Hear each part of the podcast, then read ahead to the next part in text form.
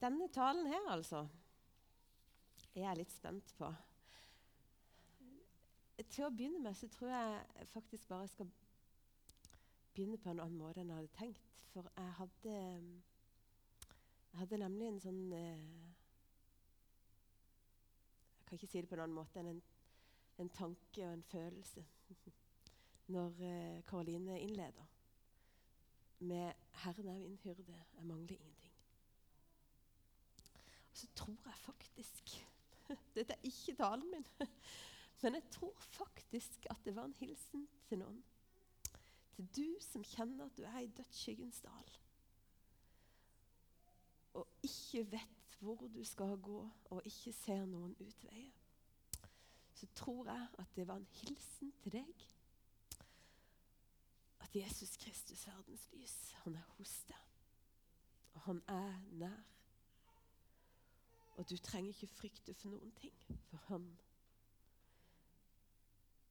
Han leder deg. Og hans kjepp og hans stav, de skal trøste deg. Så Nå begynte jeg på en helt annen måte enn jeg hadde tenkt.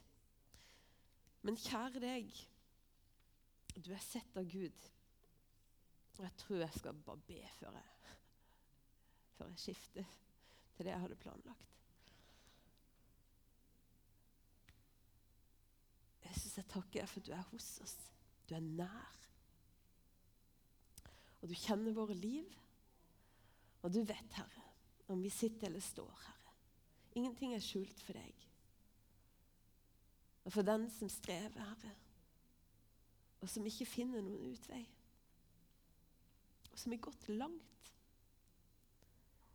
Herre, vil du komme? Ja, det vil du. Gi deg til kjenne, Herre, med trøst og med oppmuntring, Herre, og med lys. Jeg legger hver enkelt i dine hender, og spesielt, Herre, de som trenger å bli båret av deg, da. Amen.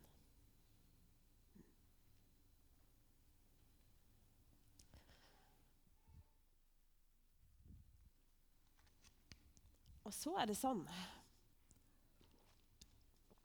Det går an. Det går an å holde den talen som jeg hadde planlagt, men den er et litt annet lei. Fordi at vi er i en serie som, som vi har kalt for Sendt.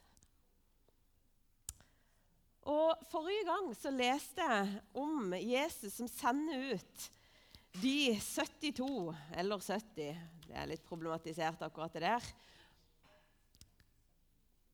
Faktisk skal jeg fortsette der. Så jeg har tenkt at dette er del to. Så hvis du gikk glipp av del én, så får du gå inn og høre på podkast hvis du føler at det liksom mangler noe for å koble deg på. Men eh, sendt er bare for, liksom, eh, for, at vi skal samle oss litt på samme plass. Sendt, hva, hva handler det om? Vi snakker om misjon. Og ofte så snakker vi om å være misjonale. Og da har vi sagt at misjon det er ikke menigheten sin aktivitet. Å være misjonal, det er menighetens vesen. Det er vårt dypeste DNA. For det handler om å være som Jesus, inkarnert i denne verden.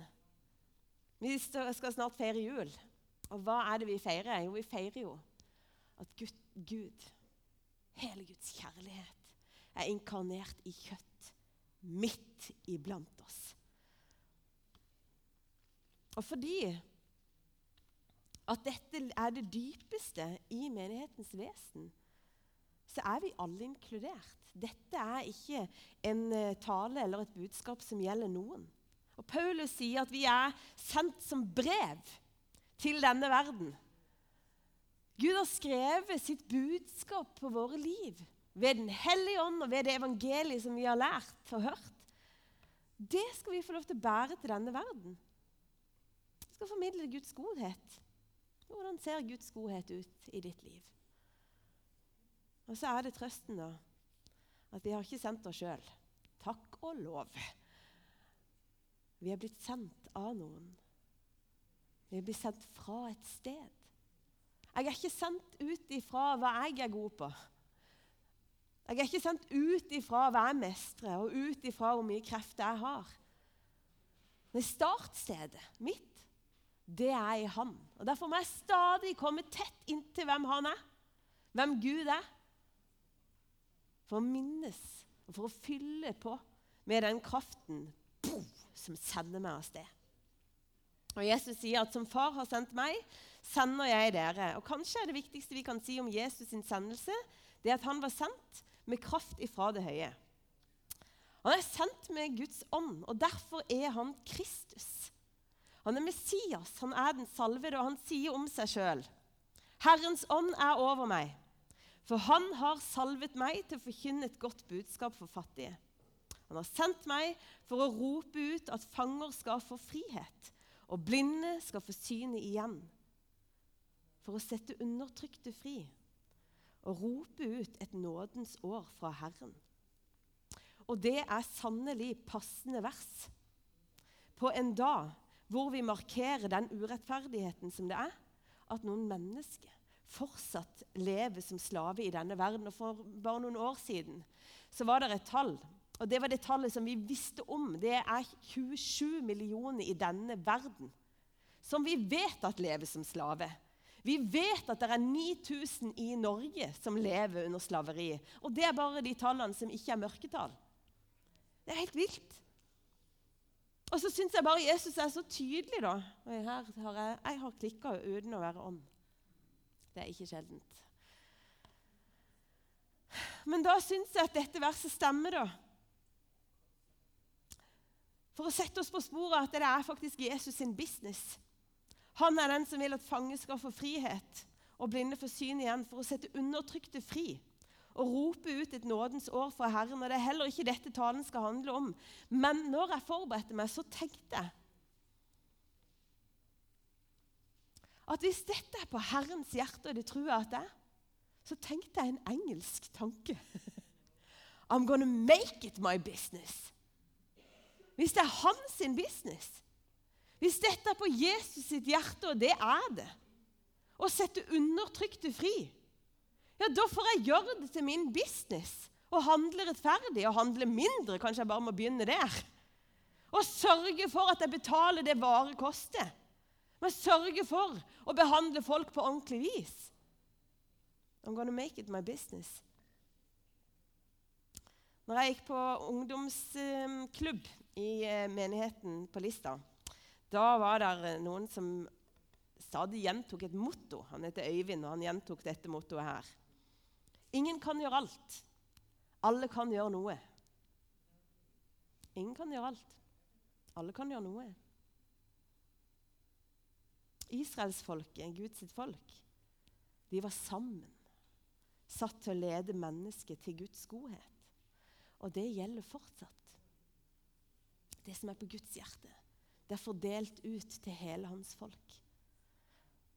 Jeg holder på å lese om lederskap. Og Det som er interessant med lederskap, det er at de har funnet ut at lederskap er best når det er mange om det. Da, da får jeg lyst til å skrive 'Det visste Gud for lenge siden'. For han utrusta et helt folk til å være lederskap. Han utrusta et helt folk til å lede folk, til å lede verden i retning hans godhet. Og vi er det folket. Du må ikke tro at det er pastoren alene, eller at det er lederskapet alene. Det er oss. Det er vi. Det er sammen. Sånn skal det skje.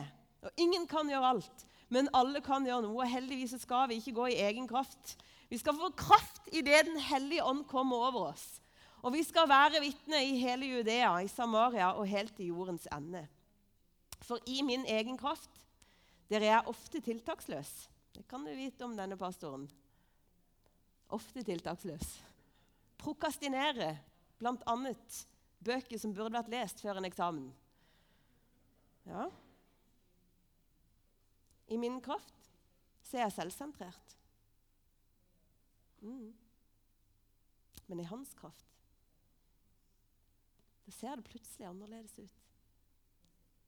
Jeg skal lese den teksten som handler om de 70 eller 72. Kanskje er det ikke de det egentlig handler om. Siden utpekte Herren 72 andre og sendte de ut foran seg, to og to, til hver by og til hvert sted som han selv skulle besøke. Og han sa til dem at høsten er stor, men arbeiderne er få. Be derfor høstens herre sende ut arbeidere for å høste inn grøden hans. Gå av sted. Jeg sender dere som lam blant ulver. Ta ikke med dere pengepung, ikke veske og ikke sko. Stans ikke på veien for å hilse på folk. Men når dere kommer inn i et hus, skal dere først si, 'Fred være med dette hjemmet.' Og bor det et fredens menneske der, skal freden deres hvile over ham. Hvis ikke skal den vende tilbake til dere selv.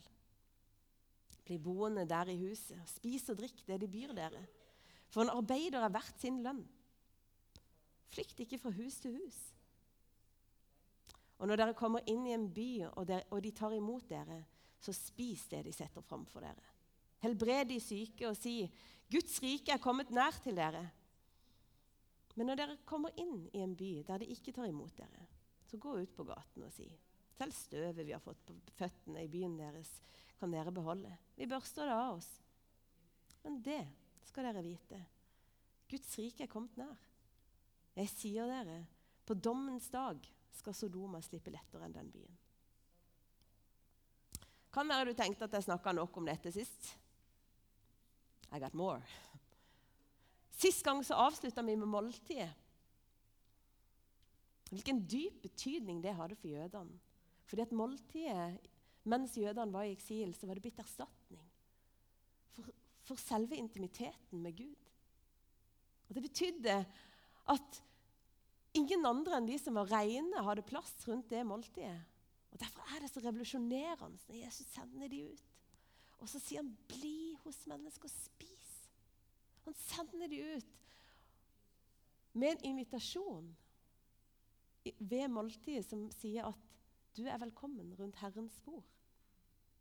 Du er velkommen til å sitte hos Han. Du hører til sammen med Han. Og vi aner ikke hva det betyr når vi setter oss ned og spiser med mennesker. I Lukas 13 så står det at fra nord og sør og øst og vest skal de komme for å sitte ved Herrens bord. Måltidet det har noe som er sjelesørgerisk over seg. Sjelesorg, hva er det? Jo, det er jo kort fortalt omsorg for sjelen. Ja, det er noe sjelesørgerisk over måltidet. Over det å sette seg ned og vise at vi har tid til hverandre. Vi trenger det samme brødet, vi trenger den samme vinen. Vi trenger å dele noe. Det er noe sjelesorgisk med det å ta del i hverandre sine liv. Jeg tenkte på fengselsgruppa når jeg skrev. Vi har en gruppe her i menigheten som er forbilledlige i å sette av tid til å gå i fengselet, og de spiser sammen med dem. Jeg tenker at vi aner ikke, vi aner ikke hva det egentlig betyr. Tor Johan Grevbo, som er professor i sjelesorg, han sier at sjelesorg det er, kir det er kirkens morsmål. Så du tenker at misjon, sendelse, inkarnasjon, det er DNA-et. Så er sjelesorgen faktisk det å vise omsorg for hverandre. Det er morsmålet vårt. Og alt vi gjør i kirka, og alt vi gjør som kristne, det handler om Guds kjærlighet for den enkelte sjelen. Derfor er alt vi gjør i sjelesorg, sjele, sjele, sjelesorgens tegn Det er jo ikke sånn at vi har barnekor for at barna skal bli så utrolig gode til å synge. Det er jo ikke sånn. Vi har omsorg for dem, for sjelene de sine. At de skal ha det godt. At de skal lære å kjenne Jesus. At de skal ha fellesskap med Gud og hverandre. Det er sjelesorg. Det er sjelesorg når Lillian dekker bordet for dem, og de kan sitte der og spise, kose seg. Herre fred, hvor godt de har det. og så er det noe i denne teksten når Jesus sender mennesket ut. Han sier at de skal be, og så skal de gå. Og så skal de tale fred. Og Så skal de gå inn, og så skal de bli der. Stende. Bli boende der i huset og spis og drikk det de byr dere. Ja vel. Hva er det egentlig Jesus snakker om her? Det er det sikkert mange svar på. Men blant annet så er det jo noe med å ikke drive og flytte til neste hus hvor de hadde en, en, hadde en bedre biff. Det er noe med dette. Ja vel, så kom du til et hus som ikke hadde all verdens å tilby deg. Ja vel, så kom du til et hus hvor det ikke var din taste. Ja vel. Ja vel, så spiste de annerledes. Ja vel, så smatta de. ja vel, så hadde de noen andre, andre tradisjoner. De hadde tolka noen ting annerledes enn deg. Bare bli der. Av og til så, så kjenner jeg meg så utfordra på trofasthet i de relasjonene som Gud allerede har gitt meg. Og Sist gang så utfordra jeg i talen på dette med å spørre Gud hvem er det jeg skal spise måltid sammen med. Fikk jeg Skal vi kalle det formaning, eller skal vi kalle det veiledning? To sider av samme sak. Det ene høres litt strengere ut. Men jeg opplevde at Gud oppdro meg. For han minner meg om noen mennesker som han har minnet meg om før. Og så var det som om han sa, Elle Merete, vet ikke om jeg skal gi deg noe nye denne gangen. Jeg tror kanskje at du skal gå dit. Var litt vondt. Det var ikke noe særlig godt, faktisk. Og det var ikke spesielt lett, for de som jeg ble minnet om, det var ikke de letteste i denne verden. Og jeg lurer på om det kan ligge noe av dette når Jesus sier hvis de slipper deg inn hvis de åpner døra si for deg, bli der. Det er fort gjort å tenke hvem jeg hadde hatt lyst til å besøke. Det var gøy å invitert til ordføreren. Hæ? Det skulle vært gøy å ha blitt invitert til noen som eh, jeg vet ikke, En eller annen musiker eller en eller annen høytstående politiker eller noen som du syns er interessante, eller jeg syns er interessante. Og så var i hvert fall det jeg fikk ut av dette når jeg leste det. Ellen Merete, du trenger ikke lete etter fetere rette. Jeg har gitt deg noen. Jeg har gitt deg noen som du skal bli hos. Kjenner meg utfordra på trofasthet. Og Da blir jeg i hvert fall minnet om hvor avhengig jeg er av Den hellige ånd. For heldigvis er en av hans sine frukter trofasthet. Det kom ikke så lett for meg. Åh, men jeg trenger det. For det er noen som Gud har på hjertet, har han delt det med meg. Og jeg tenker at det er noen som Gud har på hjertet, som han har delt med deg. Noen som han har plassert i ditt liv. Noen som han har gitt deg tilgang til, som kanskje ikke alle andre har tilgang til. Og Kanskje du er sånn som meg, da, som tenker at å, hadde det ikke vært gøy hvis de ble med i kirka? Hadde det ikke vært veldig strategisk hvis vi fikk god kontakt? Det hadde vært bra. I hvert fall var det det Gud møtte meg med. Han oppdro meg. Ellen Merete. Ellen Merete, bli. Bli hos de jeg har sendt deg til. Vær en sånn type som blir, og som ikke hopper fra hus til hus. Det er jo det han sier her. Flytt ikke fra hus til hus. Bli. For det tar tid, dette her med et misjonalt liv. Det tar tid å dele Jesus. Det tar tid. Det tar tid å lytte ordentlig. Det tar tid å lytte ordentlig. Og jeg tenker, Egil Svartdal sa det en gang. så sa han, Jeg lurer på om vi egentlig i stor grad er sendt for å lytte. Og Da brukte han den teksten her tar tid. Det tar tid å få tak i den andre sin historie. Ikke bare i farta, men på ordentlig. Og så tar det tid for meg å bli et menneske som trenger den andre. Det tar tid for meg før jeg klarer å sitte med det bordet som en likeverdig og dele. Jeg må øve meg på det. Jeg må øve meg på å være et menneske blant mennesker. Det er ikke fordi jeg tror at jeg er noe annet. Men vi er jo alle kanskje litt sånn som Sakkeus, som gjemmer oss bak noen ting. Kanskje for Gud, men ikke minst for hverandre.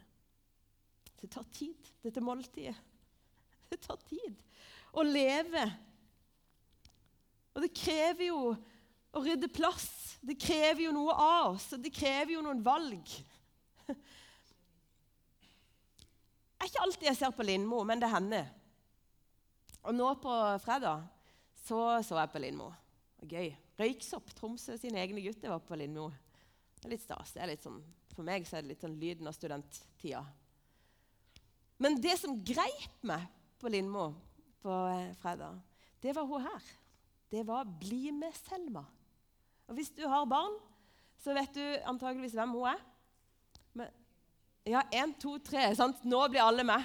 For hun har vært med på å sette i gang en bevegelse som går over hele Norge. og Det er Bli med-dansen. Og Hvis du spør de barna der nede, så vet de hvordan den De kan sikkert opp til flere uh, versjoner av den. Og Det som er så nydelig med Bli med-dansen, det er jo at den handler om å være der for hverandre. Støtte hverandre, være fellesskap, heie på hverandre, ikke la noen gå alene. Bare virkelig være en god venn. Og så er det at Hun har gitt ut en bok hvor hun forteller noe fra sitt eget liv. Hun forteller bl.a. at hun var en mobber. Når hun begynte på ungdomsskolen, så var hun ei veldig kul jente som, eh, som, sorterte ut de hun ville være på lag med, og, og frøys ut de andre. Og så ble hun innkalt på rektor sitt kontor. Det er bare det at Ikke så lenge etterpå så opplevde de en krise i familien hvor foreldrene gikk fra hverandre. Og Så kom hun på en helt ny skole. Og der er det hun som blir fryst ut. Og hun skammer seg så for at hun blir fryst ut. At Hun klarer ikke si det til noen. Hun klarer ikke si det hjemme. Hun klarer ikke si det til lærerne. Hun syns det er så flaut. I friminuttene så går hun på do, og så, ringe, så ringer hun til venner. da, For å ha, liksom, se ut som hun har noe å gjøre. Og Hvis ikke de tar telefonen, så later hun som hun snakker med noen. Og Så sier hun det som forvandla mitt liv, sier hun. Det var den ene venninna mi som jeg klarte å si det til. Det var Ragnhild. Og Ragnhild skjønte at jeg ikke hadde det så bra. Og når Ragnhild skjønte at jeg ikke hadde det så bra, så bestemte hun seg for noe. Hun bestemte seg for at hver helg skulle hun komme og være sammen med meg. Og sånn ble det. Ragnhild rydda plass i sitt liv. Og hver eneste helg så reiste Ragnhild fra den gamle skolen til Selma, som var så alene på den nye skolen, for at hun skulle ha én venn. Og Selma sier det var den ene vennen jeg hadde. Men det var life-changing. Det forandrer alt. Og i dag er Selma den som sprer BlimE-dansen utover hele Norge sitt land. Det er jo helt vilt. Å leve et radikalt liv for å vise godhet for andre, det koster noen ting. Det koster Ragnhild. Det koster hun Helgan. Godt, altså, jeg tror det er riktig å si at hun fikk noe òg. Det er jo en veldig skjønn dame, da, selv om jeg kjenner henne ikke så godt. Men jeg har sett et intervju. så jeg regner med at det var noe vinning her. Men jeg husker en som er pastor i, i dag er han pastor i Imi-kirka i Stavanger. Egil Elling heter han. Han sa, 'Hva er et radikalt kristent liv?' Er det å stå på alle disse lovsangsarenaene med hendene i været og bare liksom be og lovsynge i 14 timer i strekk? Og det kan det være! Så sier han, men for meg så er det like radikalt når jeg hører om en voksen trebarnsfar som står opp klokka fem en gang i uka hver eneste uke for å dra bort til kameraten sin som sliter i ekteskapet. For det var det eneste tidspunktet de kunne finne å be sammen. Det koster noe, og det tar noe tid. Det der måltidet. Det der, der med å flytte inn. Ikke flytte fra hus til hus, ikke gå fra aktivitet til aktivitet. Men å bli noen som forvandler Jeg tror vi er sendt for å lytte. Jeg tror vi er sendt for å dele. For å være ekte mennesker sammen. Og så sier jo Jesus Helbred de syke, sier han. Veldig vanskelig tema. Jeg syns det er så vanskelig å snakke om helbredelse. Fordi at eh, jeg vet at det sitter så utrolig Det er så mange av oss som har skuffelse forbundet med helbredelse. Som har håpt og ikke sett. Som har bedt og ikke fått. Det er ikke lett. Og likevel så kan jeg si at jeg har sett noen. Jeg har sett noen helbredelse. Og jeg vet at det er mennesker her i kirka som har opplevd å bli helbreda. Både fysisk og psykisk. Og Guds ord sier at vi skal få lov til å be om dette, og derfor gjør vi det. Og helbredelsen kommer. Jeg skulle ønske at vi så at det kom mer i dette på denne sida av himmelen. Vi skal be. Tenk hva vi har å tilby. Vi har bønnen. Si at Guds rike er kommet nær, sier han. Han skal si det til dem. Si til dem at Guds rike er kommet nær. Og det var jo en klar beskjed om at Messias er kommet. Han som har frihet for de fangne, han som har det vi trenger. Det gode budskapet for fattige. Gud er midt iblant oss. Det er egentlig det de skal si. Guds rike er kommet nær.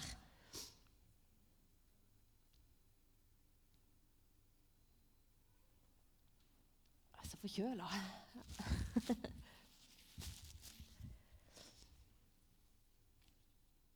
Guds rike er kommet nær. Hvordan skal vi si det til folk? Unnskyld meg, hvordan sier vi det til folk? Guds rike er kommet nær. Ja, hva kan vi si, da? Hva er det egentlig de sier? Det er vel kanskje at Jesus er kommet til deg. Det er håp for ditt liv. Jeg tror det er håp. Kanskje er det noe vi kan øve oss på å si til noen. Vet du hva, Jeg tror det er håp for livet ditt. Jeg vet at det ser helt forferdelig ut akkurat nå. Det er dødsskyggens dal. Jeg kjenner en som er lys midt i mørket. Kan jeg få lov til å be for deg? Jeg trenger ikke gjøre det nå. Kan gjøre det når vi har gått hjem. Jeg har en kamerat som holder på å søke på jobb. Han tror, ifølge han sjøl, ingenting.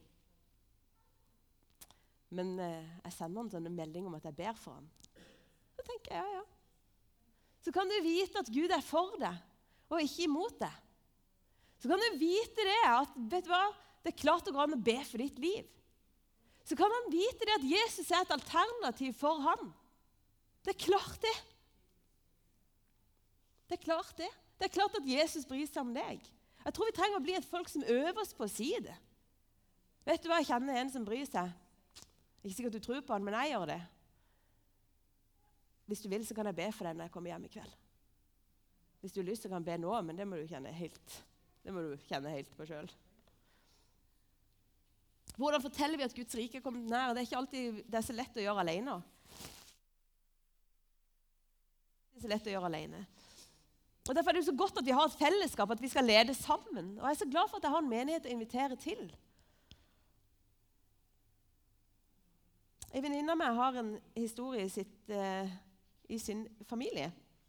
Hun har en veldig frimodig bror som kom i prat med en som ikke var kristen. Og så sier han ja, du skal ikke være med meg i kirka. da. Du skal ikke være med meg i kirka på søndag. Det er så hyggelig. Du aner ikke hvor så, Vi har det så hva er det du ville sagt, Siv? Artig. Vi har det så artig sammen. Det er så fint å gå til gudstjeneste. Og da får han til svar Det tror jeg ingenting på. Nei vel? Nei, sier han her, karen som han prater med. Du skjønner det at jeg har noen naboer som går i kirke. Og hver eneste søndag morgen så pynter de seg som jeg kan se at de skal noe på fest. Og så setter de seg i bilen. Så vinker de. Og så går det noen timer. Så kommer bilen tilbake, og de smiler. Går ut av bilen. Så vinker de. Hvis det hadde vært så veldig hyggelig og for alle, så hadde de kanskje invitert meg i gang. Men de bare vinker, og så kjører de av sted til kirka si. Ja. Fytti. Altså, det kan jo være steg nok å invitere noen. Kjenner jo det. Jeg kjenner jo det. Men en som ble invitert, da, det er Svein. Jeg har fått lov til å vise bildene, for han er veldig fornøyd med bildene som han har lagt ut av seg sjøl på Facebook.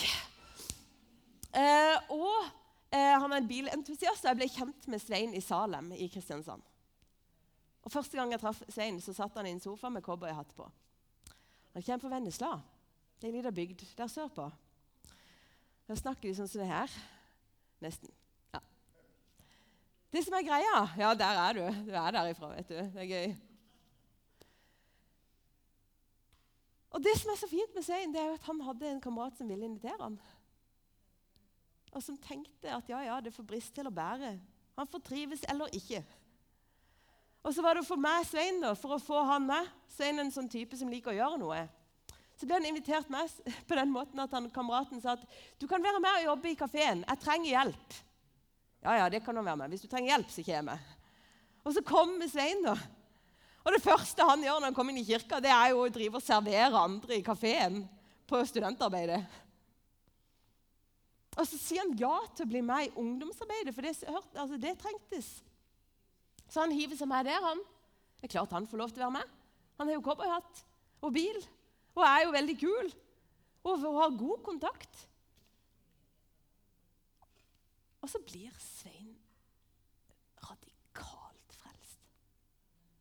Jeg jobba i ni år i Salem.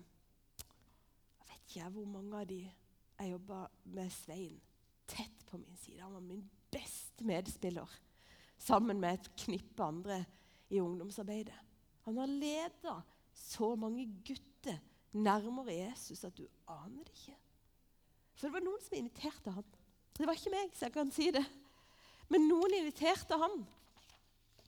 Og jeg tenker sånn, ja, Hvordan skal vi si at Guds rike er kommet? Nei, vi kan begynne med å finne en eller annen måte å snakke på, da. En eller annen måte å invitere på, en eller annen måte å bare si du, jeg kan, jeg kan be når jeg kommer hjem. Begynne å lekke det litt ut av livet. Og så, ikke minst, så tror jeg vi skal leve Guds rike. Hvordan skal vi fortelle verden at Gud fins? Jo, vi skal leve Guds rike. Guds rike som er i Kristus. Og nå er jeg på avslutningen hvis du begynner å bekymre deg med Guds rike som er i Kristus. Vi er sendt med Den hellige ånd.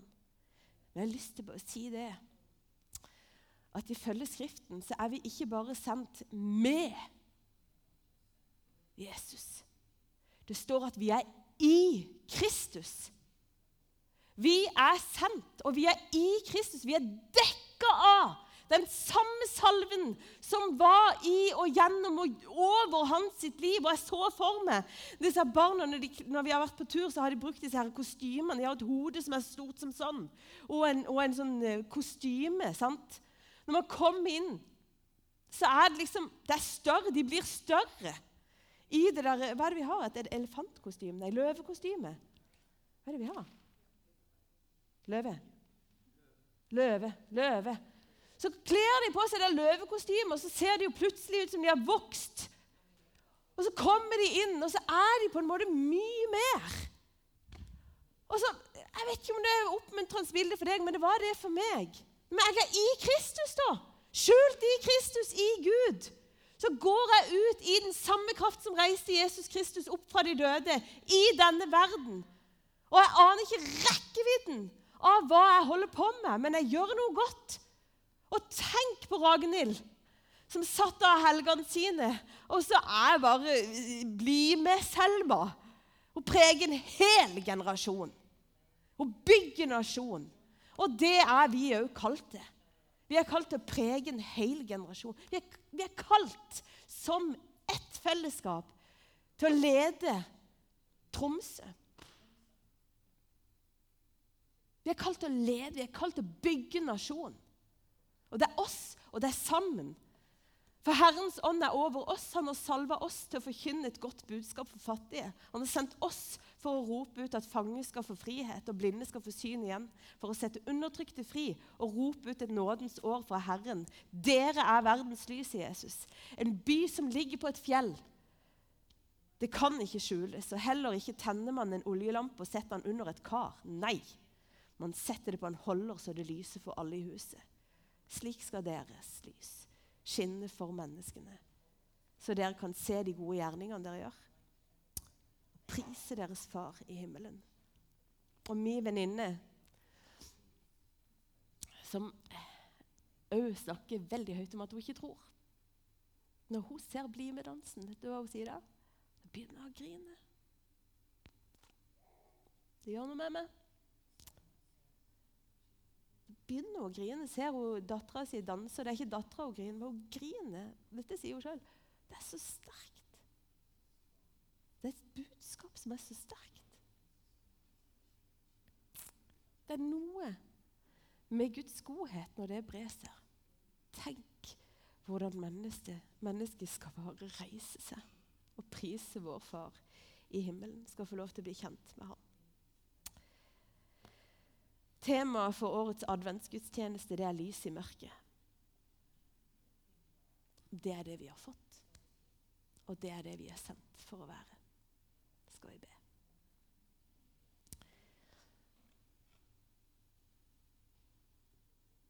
Kjære, gode Jesus. Dette Dette går ikke. hvis ikke du fyller livene våre. Dette kan vi ikke, Herre, hvis ikke du leder oss. Takk for at du vil det. Takk for at du vil det, Herre. Og hjelp oss, Jesus, til å bli trofaste venner, trofaste mennesker. Hjelp oss til å gå med fred, Herre. Hjelp oss til å invitere, Herre. Hjelp oss til å formidle at ditt rike er her, at du er kommet, Jesus. La våre liv vitne om deg. I Jesu navn. Amen.